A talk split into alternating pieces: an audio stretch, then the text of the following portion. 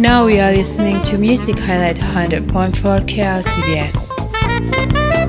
Love is Here to Stay, satu dari banyak sekali karya terkenal George dan Ira Gershwin, ditulis tahun 1938 untuk film berjudul The Goldwyn Follies. Dibawakan oleh Kenny Baker untuk versi filmnya, Love is Here to Stay populer setelah dibawakan Gene Kelly dalam film tahun 1951, An American in Paris.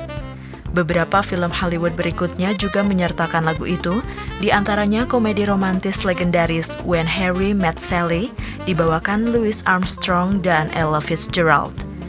Love is Here to Stay adalah komposisi terakhir yang penulisannya diselesaikan George Gershwin sebelum ia meninggal pada 11 Juli 1937.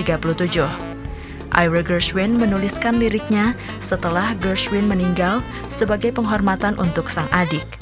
Awalnya judul lagu tersebut adalah It's Here to Stay. Kemudian menjadi Our Love is Here to Stay, tapi akhirnya dipublikasikan dengan judul Love is Here to Stay. Menurut Ira Gershwin, selama bertahun-tahun ia ingin mengubah judul lagu itu kembali menjadi Our Love is Here to Stay, tetapi ia merasa hal tersebut tidak tepat karena lagunya sudah menjadi standar. For another story of music highlight, download KLCBS app on Play Store.